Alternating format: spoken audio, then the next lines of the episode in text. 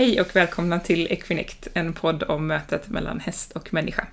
Jag som har podden heter Susanna Davidsson och idag så har jag äran att gästas av en av mina lärare sedan många år tillbaka, Carolina Fransson på OHR Plus utbildning. Hallå! Hej! nu har vi suttit här och eh, nördat in i eh, ett rätt härligt område om vilja, motivation, etiketter. Eh, och kommit fram till att det ska vi inte prata om idag. Eh, för eh, det kändes som att vi ska ha ett bakgrundssamtal innan vi går in på det. Så jag har förhoppningsvis nöjet att få tillbaka dig som gäst, Carolina, och prata om det sen. Ja, vi får väl se hur det här samtalet går först, tänker jag. Om du vill ha tillbaka mig. och också ja, få, få följa upp på de sakerna vi pratar om idag då. Så, så låt oss se. mm. Eh, så vi tänkte, ja, vi hoppar väl helt enkelt in i, i det vi ska prata om. Har vi en, en eh, tråd att börja i? Eh.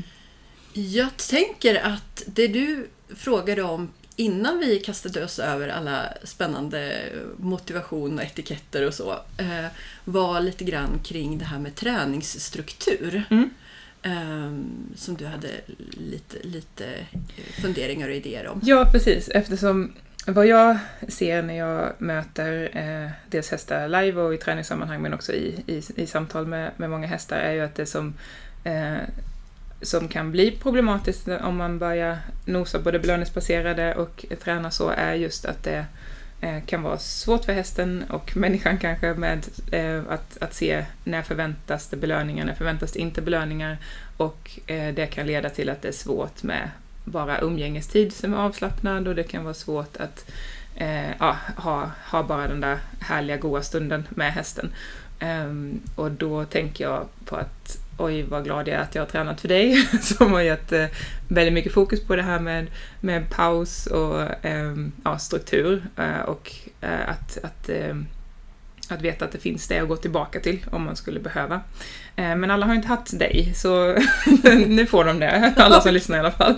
Så hur tänker du kring det här med struktur? Snabb crash course ja. i, i träningsstruktur.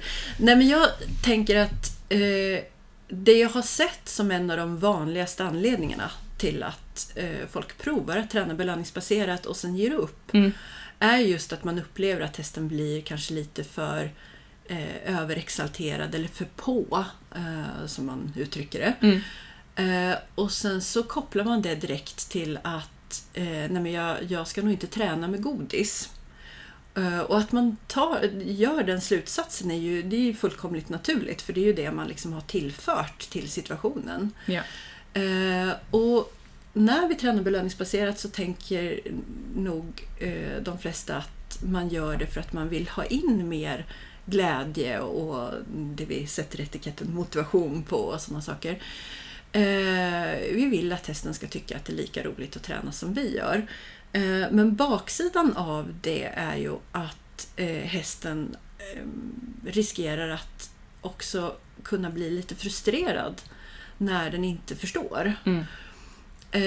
och Jag tänker att där någonstans så föreslår jag att man börjar, när man börjar träna belöningsbaserat, att liksom säkerställa att testen förstår innan vi eh, kastar oss över alla spännande tillämpningar som vi vill eh, göra med, med eh, det här nya sättet att träna på. Mm.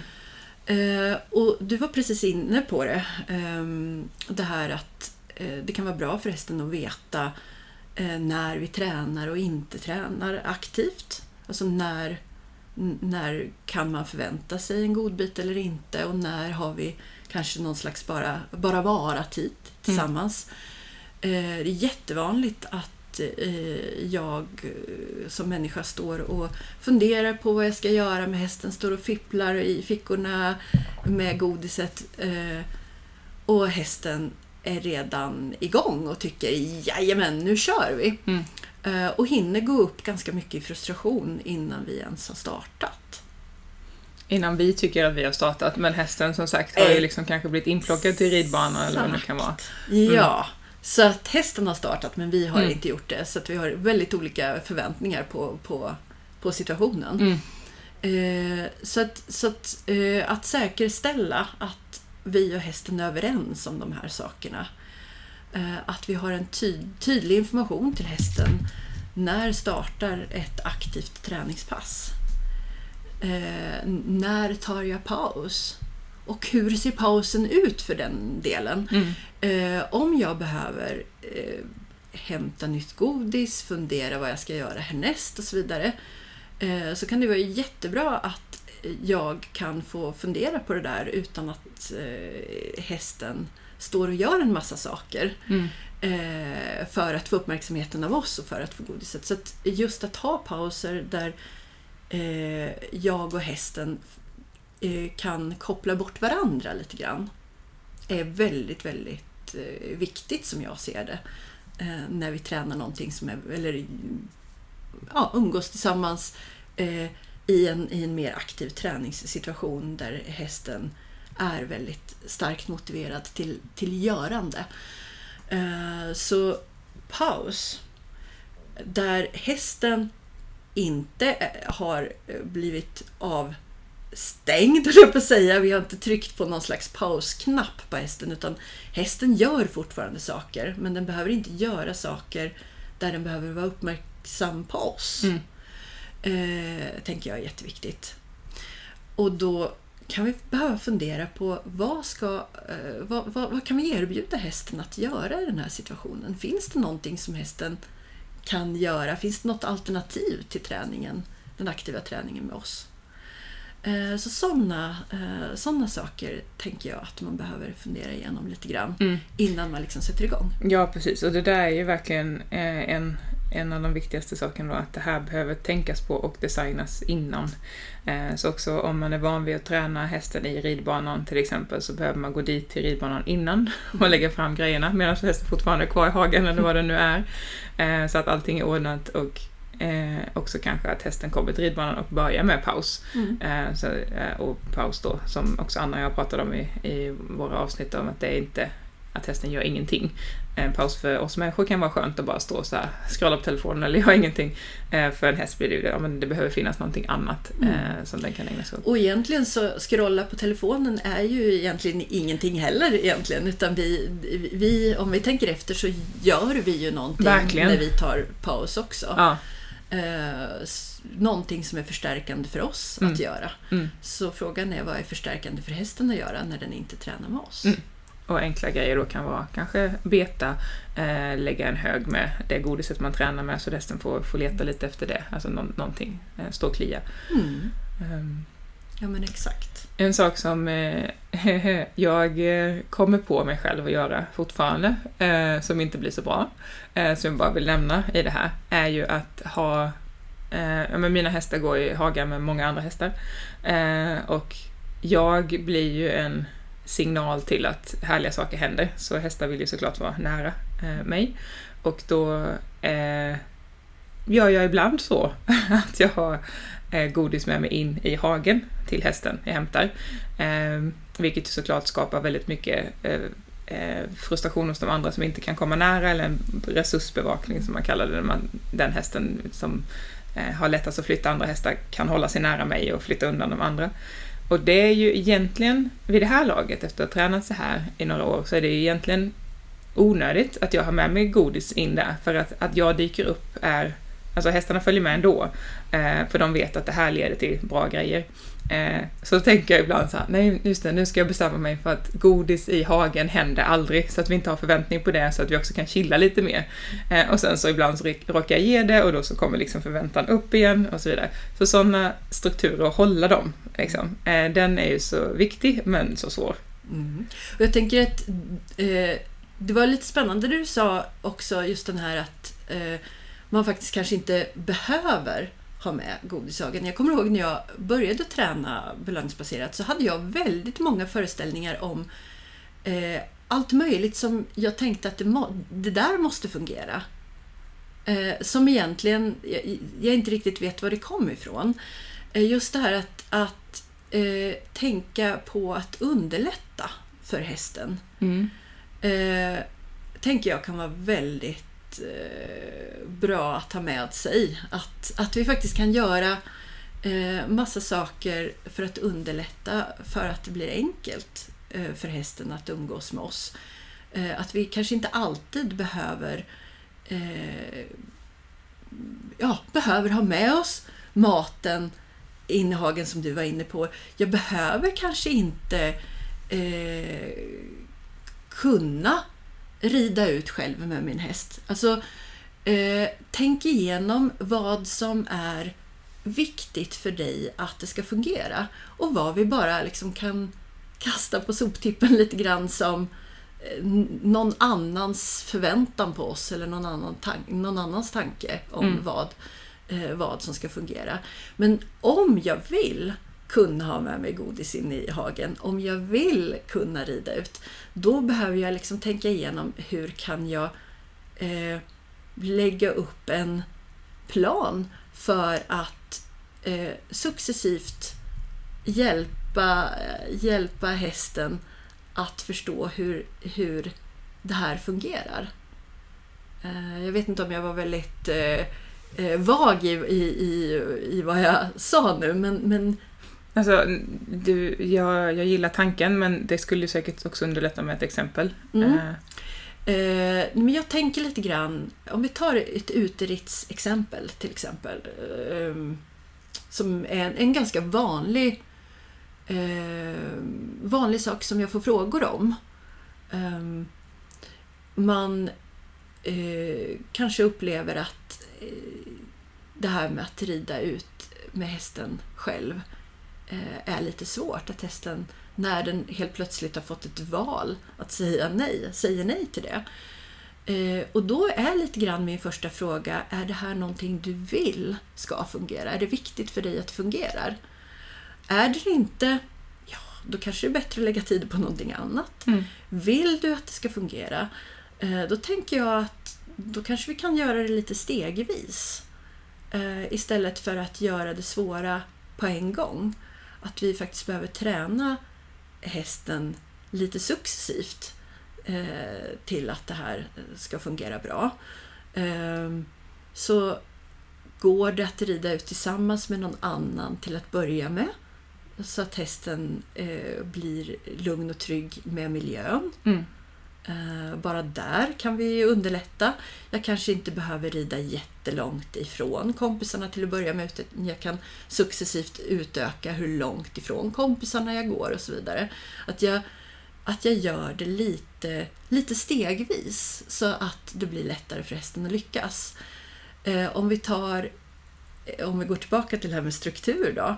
Om vi tänker oss att vi vill kunna gå ut i hagen och ha godis med utan att det blir krig kring, eh, kring godiset. Eh, eh, så behöver vi kanske tänka igenom, kan jag göra någon slags plan för att eh, så att säga träna de, på, på de situationerna. Mm. Så att hästarna, det blir förutsägbart för alla, eh, alla hästarna i hagen hur det där går till när jag går ut och har godis i fickorna. Mm.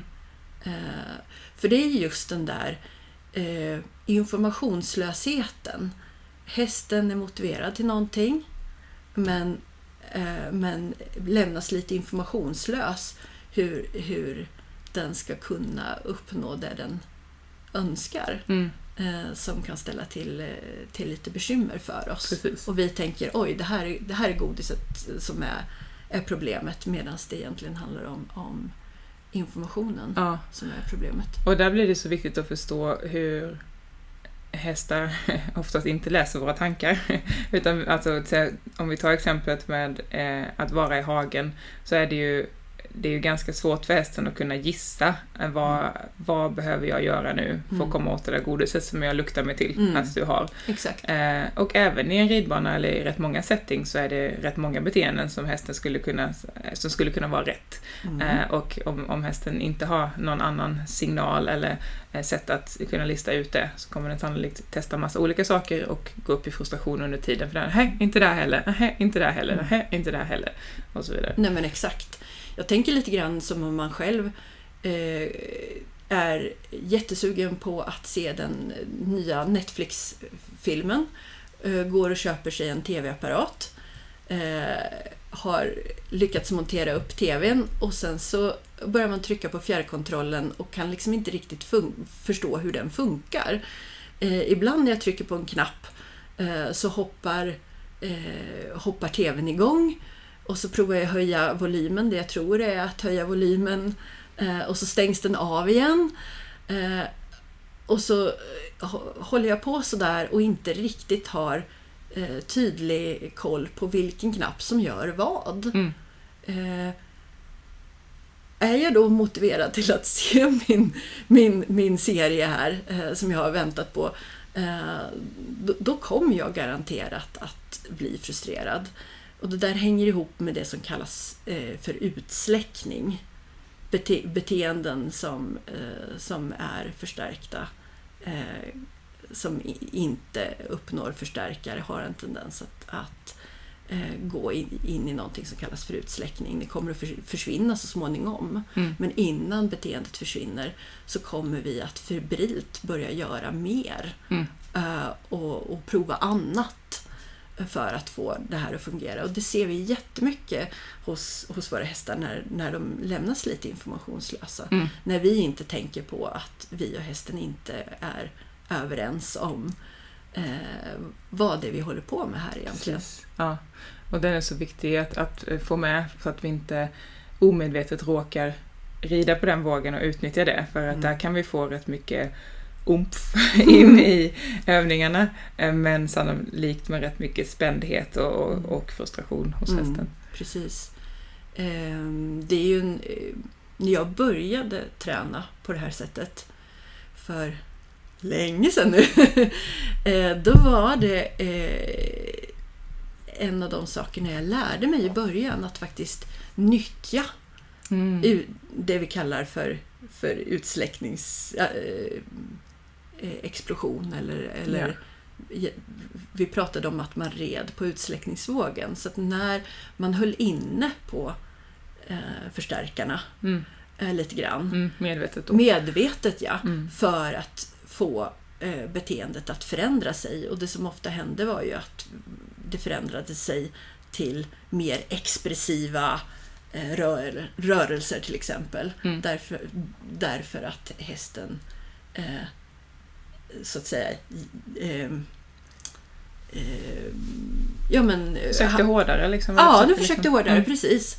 Eh, så att jag, man fick ganska mycket av vad jag skulle kalla för frustration mm. med in i den, den mm. träningen. Mm. Eh, så att nu försöker jag hellre eh, än att hålla inne på, på godis i, i min träning. Eh, om jag står i aktiv träning så försöker jag hellre ändra någonting i situationen för att göra det lättare för resten att förstå vad jag är ute efter. Snygg övergång till nästa ämne. Okej! för vi pratade ju också om att, att vilja prata lite om det här som är en, en stor del av, av det sättet som, som du tränar på, som du lär ut med att designa miljön. Mm. Uh, så precis det du pratar om där, om någonting inte funkar, om hästen inte förstår, istället för bara vänta på att den ska förstå, kan jag ändra settingen, kan jag mm. bli tydligare på något sätt? Mm. Uh, så. Ja, Um, och jag gissar att dina lyssnare här har tagits med på en resa kring hur belöningsbaserad träning går till. Så att vi, vi, vi hoppar rakt mm. in i ett träningspass, ja, tänker jag. Gör det. Och där eh. finns ju till exempel de två avsnitten med Anna Hjelmroth eh, att lyssna på innan ifall man behöver mer bakgrund. Ja, men mm. helt perfekt. Ja. Eh, för jag tänker att om jag står med min häst eh, och eh, vill förstärka att hästen håller huvudet rakt fram, tar någonting bara. Eh, och om jag ser att hästen eh, börjar vrida huvudet mer och mer bort från mig Eh, så har jag ju ett val och det är att hålla inne på min, eh, min belöning till hästen och vänta tills hästen hittar rätt. Det vill säga ta fram huvudet rakt fram. Eh, men om det där tar lite lång tid för hästen att klura ut vad det är jag vill så kan vi få det vi var inne på nyss eh, li, lite frustration in i bilden. Hästen eh, försöker febrilt att komma på vad är det jag vill. Eh, och istället för att stå och vänta ut hästen där så är min go-to-lösning att ändra på någonting. Eh, flytta på mig. Mm. Står jag bredvid hästen och hästen har börjat tro att det är ta bort huvudet från mig som är övningen. Om jag ställer mig temporärt framför hästen så kanske det underlättar. Eh, till exempel. Mm. Eh, har jag en, en, det som kallas för en target, någonting som hästen eh, liksom är lite målsökande på, van att dutta på. Eh, med mulen till exempel så kan jag hålla fram en target och hålla framför hästen för att hjälpa hästen att förstå mer vad jag är ute efter. Um, så att vi kan, vi kan göra ganska många olika saker genom att flytta om oss, flytta om var vi står. Uh, för att det ska underlätta att det beteendet vi är ute efter um, lättare möjliggörs mm. som alternativ mm. för hästen. Just det. Eh, och, och det blir då ett sätt som, som gör det lättare för hästen att, att hitta till lösningen eller belöningspunkten snabbare. Mm. Eh. Ja men precis. Eh, för, för tanken är ju när vi tränar på det här sättet att vi vill ju hemskt eh, gärna bekräfta vår häst väldigt ofta i mm. början när vi tränar. Mm. Ehm, jag, jag, tänker lite grann på belöningspunkterna som, som bekräftelse till hästen. Ja. Uh, och när hästen håller på med någon och, och vi tränar in något nytt tillsammans um, då är det ju eh, väldigt hjälpsamt att vi kommer åt att bekräfta hästen, uh, det hästen gör väldigt ofta, mm. väldigt tätt. Mm. Uh, och, och, för de som lyssnar som antingen är helt nya och tänker så här, men det där vill jag inte hålla på med jämt, eller som har hållit på så här ett tag och så här, eh, tänker att ja, men nästa steg då, så där vill jag inte hålla på med jämt. så, eh, så, så bara väldigt kort, det, det som du lär ut är ju att om man har tränat in många olika eh, beteenden eller aktiviteter man gör tillsammans som är intränat med positiv förstärkning, mm. så blir eh, signalen till eh, någonting nytt också än, än så här, ah, det var rätt. Mm. Eh, så eh, att i de lägena man i början klickar ge godis, klickar ge mm. godis, kan man så småningom sen eh, presentera nästa övning mm. eller nästa aktivitet, vilket mm. i sig blir ett, ja, ah, det var rätt. Eh, signal till, ja. till hästen. Så det blir belönande i sig att sätta ihop de här till sekvenser. Och det där är lite, alltså det där är en pedagogisk utmaning, tänker jag, för oss som undervisar det här. Mm. Att, eh, I början så känner man sig som en, en eh, formidabel godisautomat mm. eh, genom att belöna så tätt. Ja. Eh, men, men, just det med att det är, eh, om man tänker det som bekräftelse till hästen och att man bekräftar hästen att den gör rätt väldigt tätt i början. Eh, så får vi inte in massa osäkerhet i vad träningen går ut på utan hästen lär sig rätt genom att göra rätt mycket. Mm.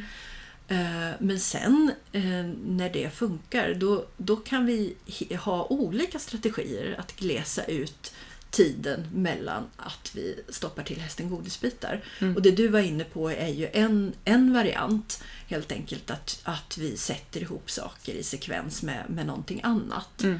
Eh, jag rider min öppna och ger en signal till en galoppfattning. Och, och om galoppfattningen är väldigt väl förstärkt Eh, i sig så kommer hästen säga ja Jippi, jag vill göra mer öppna för då får jag ju också göra galopp. Mm. Vi, vi, får liksom den, den effekten. Mm. Men vi jobbar också med sak, någonting som kallas för duration. Att vi successivt, eh, när, när hästen och jag är överens om hur övningen ser ut, vad övningen är för någonting, eh, så kan vi liksom successivt hålla på längre och längre tid. Mm. Eh, men vi behöver först eh, liksom få, få fram själva grundövningen mm. och, och, och, och, komma dit. Och det är då jag tycker det är så otroligt eh, hjälpsamt att försöka underlätta för hästen att, att eh, hitta rätt istället för att den står och får prova sig fram in absurdum. Mm. Eh, jag gillar att, att låta hästen få ta initiativ i träning. Eh, jag gillar också att låta hästen jobba mycket med den yttre miljön. Så att inte jag är inne och pillar och promptar och försöker visa med min kropp hela tiden. Eh, men om, om miljön runt omkring eh, vår träning är uppsatt så att sannolikheten ökar för, för att hästen skulle välja det ena eller det andra eh, så hjälper det hästen att eh, utan att den behöver eh, bli väldigt passivt lyssnande på mig hela tiden så kan den ändå ha lättare att hitta vad, det är vi, vad, vad som även jag tycker är, är bra Yeah. i träningen. Och eh, det kan ju låta väldigt så här, ah, men vad bra, eh, när du säger det. Och sen Mm. vet jag att eh, när jag hörde det här första gången så, var, så tänkte jag så, ah, vad bra det låter. Och sen så tänkte jag, det låter ju självklart. Och sen ställde jag mig ute med hästen så bara, nu ska vi se, eh, vad kan det här innebära då? Ja. Så skulle du vilja ge oss lite fler inblickar? Vi säger att vi är i träningspasset, något, något som är vanligt som går fel händer. Mm. Hur skulle man kunna ändra miljön? Mm. Skulle du kunna ge oss lite sådana exempel så vi bara har... Ja, Mm. ehm, jag ska försöka bli lite konkret. Eh, alltså, och, och det här, det ska väl sägas också att det här är ju verkligen en träningssak. Eh, man, undan för undan när man tränar på det här sättet så lär man sig att titta på, observera miljön helt Mm. enkelt och se träningslösningar i miljön. Mm. Så ser jag en spånbal så ser jag inte en spånbal utan jag ser eh, en pryl som skulle kunna underlätta ett hovlyft Mm. om jag provar att ta, kliva över den tillsammans med min häst. Då kommer vi helt plötsligt åt att kunna börja förstärka ett, ett, eller ett benlyft. Mm. Eh, jag, eh, jag ser inte nödvändigtvis eh, bommar eh, på marken utan jag ser någonting som skulle kunna rama in hästen för att få en rakare ryggning till Mm. exempel. Eh, en, ett bra exempel för att återknyta till där vi var Eh, i, i början. När vi börjar att träna med vår häst ehm, och vill liksom få, få eh, till tydlighet till hästen precis i början när vi tränar. Eh, så förutom det här med struktur som vi var inne på eh, så tänker jag att jobba med eh, miljön där jag står och tränar min häst i början så att den är så väl fungerande som möjligt underlättar också jättemycket. Eh, och en sån sak kan vara det vi kallar för protected contact. Att jag och hästen har en barri- liten barriär mellan, mellan oss. Eh, apropå det här att sätta upp miljön för att hästen ska ha lättare att lyckas. Eh, har jag en häst som har en tendens att lite grann gå på mina godisfickor och bli buffig och, och pillig med oss. Eh, då, då tänker jag att eh, istället för att stå och vänta ut att hästen ska komma på att den ska ta bort mulen från vår ficka så kan vi helt enkelt ställa oss med ett staket mellan oss och hästen så hästen inte ens behöver utsättas för frest- frestelsen att gå på våra fickor. Mm. Utan kan lära sig vad vi vill istället. Att dutta på targeten eller stå stilla med huvudet rakt fram eller vad det vi hellre vill att hästen ska göra. Eh, och när det är, det är etablerat, när hästen har lärt sig det beteendet, då kan jag sen flytta mig till, till hästen eh, och stå eh, bredvid och hästen vet vad som lönar sig istället för att gå Mm. på godisfickorna. Mm. Så där har vi en sån Mm. eh, miljösetup för att få fram, eh, fram en övning som, som kan vara superbra i början. Att jobba med protected contact som miljösetup. Verkligen. Och jag tänker nu för tiden när jag börjar träna in någonting nytt med en häst att det finns ingen anledning att inte ha det. Eh, för att, eh, eh, som du säger, om, om det underlättande blir tydligare, det finns liksom eh, att, att förstå att va- varför göra det onödigt svårt, utan eh, om, om det här gör det tydligare, börja alltid där. Ja. Eh, det finns ingen anledning att inte göra det. Eh, det finns ingen prestige här i liksom att oh, men jag måste kunna det här direkt, utan kan vi göra det lättare för hästen att, göra rätt så jättebra. Det är ju bra träning. Ja, Eh, bara en intressant eh, tanke om projektet Contact där som eh, det underlättar för oss och det underlättar för hästen. Eh, Epona, min kära Fux hemma, gillar inte flugspray Mm. så mycket. Eller inte alls gillade hon inte det från början. Och så har vi jobbat med startknapp där, att hon duttar på sprayen och så får jag spraya. Om jag är eh, hon gillar, det är okej att jag sprayar på bogen och på, på sidorna men inte mot rumpan. Eh, om jag är i samma hage som henne och står. Eh, jag gör ingenting om inte hon har duttat och hon får ju såklart flytta på så jag är lös. Om jag står i samma hage så får jag spraya på bringan, kanske lite på bogen. Mm. Om jag står på andra sidan ett staket, så hon vet att Susanna kan inte sträcka sig fram och fuska nu. Eh, så, eh, jag hinner flytta mig innan i så fall, hon vet det. Eh, då startar hon den och så får jag spraya på sidorna och ibland till och med på rumpan. Ja. är inte det intressant? Det är jätteintressant och det ligger väldigt mycket i linje med vad jag ser när jag är ute och undervisar. Eh, just det här att jag jättegärna sätter upp en protected contact, inte nödvändigtvis för att skydda oss från Nej. buffliga hästar utan för att skydda hästarna från, Ja. från eh, lite eh, slumpmässiga saker som vi kan Precis. hitta på helt enkelt. Jag har sett någon jättefin film också på någon rescue-häst som blir verkad med protected contact. Ah. Eh, också det, liksom tryggheten i att men människan är på andra sidan en Mm. barriär. Eh, den känner sig jättemycket friare att kunna springa än ifall jag, står där och verkligen ja, Ja, kommer åt på ett annat sätt. och, och jag tänker att det tydliggör ju verkligen eh, möjligheten för hästen att tacka nej Mm. till, eh, till träningen. Mm, verkligen. För att jag, jag tänker att vi får liksom tänka lite grann på det vi erbjuder hästen att göra och de signaler vi, vi eh, tränar in Mm. som erbjudanden till hästen. Mm. Eh, och inte som någon slags kommando att du ska göra utan, eh, utan kan vi sätta upp situationerna så att hästen verkligen känner att den hela tiden kan välja bort. Mm.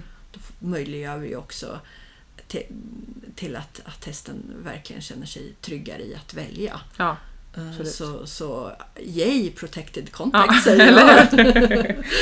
Eh, Och gärna då någon som inte innehåller ström eller som hästen kanske inte är van vid heller innehåller ström Nej. för att det inte ska vara den jobbiga laddningen. Så därför som man ser så många som har de här eh, rödvita stolparna och plasten för att eh, ja, det här är en, en setting som hästen eh, inte är van vid innehåller ström i vanliga fall så man kan våga gå närmare och så vidare. Ja, precis. Och jag tycker att eh, också att eh, när, du, när du pratade här förut så återknöt du ju till någonting som jag tycker också är superviktigt kring det där. Att det här att det liksom handlar inte om någon slags prestigeförlust i att vi inte eh, får till eh, det färdiga beteendet på en gång. Mm. Utan eh, just att tänka i att, att göra det stegvis och, och att underlätta. Det här, ja men hästen ska ju klara av att, Mm. eller vi ska ju klara av att stå jämte vår häst. Alltså jät, jättebra om vi vet vad vi strävar efter, hur saker och ting ska se ut när vi är liksom i, i, i mål så att säga med vår träning. Men, eh, men vi gör det så, så mycket lättare för oss och hästen att tycka att det här är kul Mm. om vi ser till att underlätta att, att både vi och hästen lyckas. Eh, och att det blir harmoniskt på, på vägen till Mm. målet, Mm. tänker jag. Vi pratade lite här innan och jag sa att en av de sakerna jag ser mest i, ja men, om vi ska kalla den traditionella hästvärlden, som, som blir ett problem är just eh, hur, hur lite förberedda hästarna är på Mm. allt för stora kliv framåt i, ja men säg en häst som inte har åkt transport innan och inte bara ska åka transport utan sen ska iväg till en tävlingsplats och vara ifrån vännerna och Mm. träffa massa nya hästar. Det är så många saker som händer samtidigt. Och det är en av de sakerna som jag verkligen, eller en, en av de sakerna som jag tycker det belöningsbaserade världen har, har tillfört så väldigt bra, att, att dela upp saker i mindre steg Ja. och förstå att ju mer vi kan bryta ner det i små delar och göra små eh, skiften, eh, ja, desto bättre upplevelse såklart för alla och större chans att lyckas och Ja. få en bra... Och det där är ju också så eh, ointuitivt eh, i början för väldigt många. Och jag tror att det var det för mig också såklart.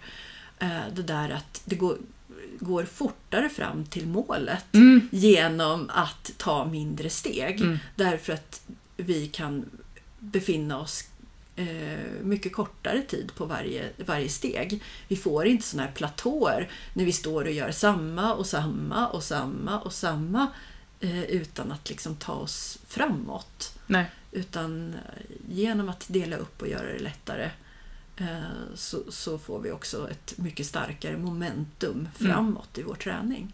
Absolut. Vad har du mer på din fina lapp? Eh, jag har inte så jättemycket mer på min fina lapp Nej. faktiskt. Om vi, menar, om vi tänker så här att det här avsnittet ska sedan leda till nästa avsnitt. ja. Ehm, vad har vi mer då som vi behöver liksom kasta in i det här avsnittet som gör att man är förberedd för Nu hypar ju det här nästa avsnitt jättemycket, det är roligt. Jag, jag, jag, jag, känner att jag har inte så stort annat val här. Nej, jag vill, jag, jag vill jättegärna prata om de här roliga sakerna eh, kring, eh, kring eh, fria val och eh, motivation och eh, hur är vi säkra på att vi inte manipulerar hästen på ett eh, otillbörligt sätt. Mm. Ehm, och sådana saker. Ehm, den, här, den här känslan av eh, gör vi träningen med eller mot hästen? Eh, men frågan är om vi inte ska spara eh, allt det till Mm, nästa absolut. avsnitt. Jag tror det. ja, ja. Vad känner du att du har fått med dig du behöver för att förbereda dig för? Eh, ingen aning faktiskt.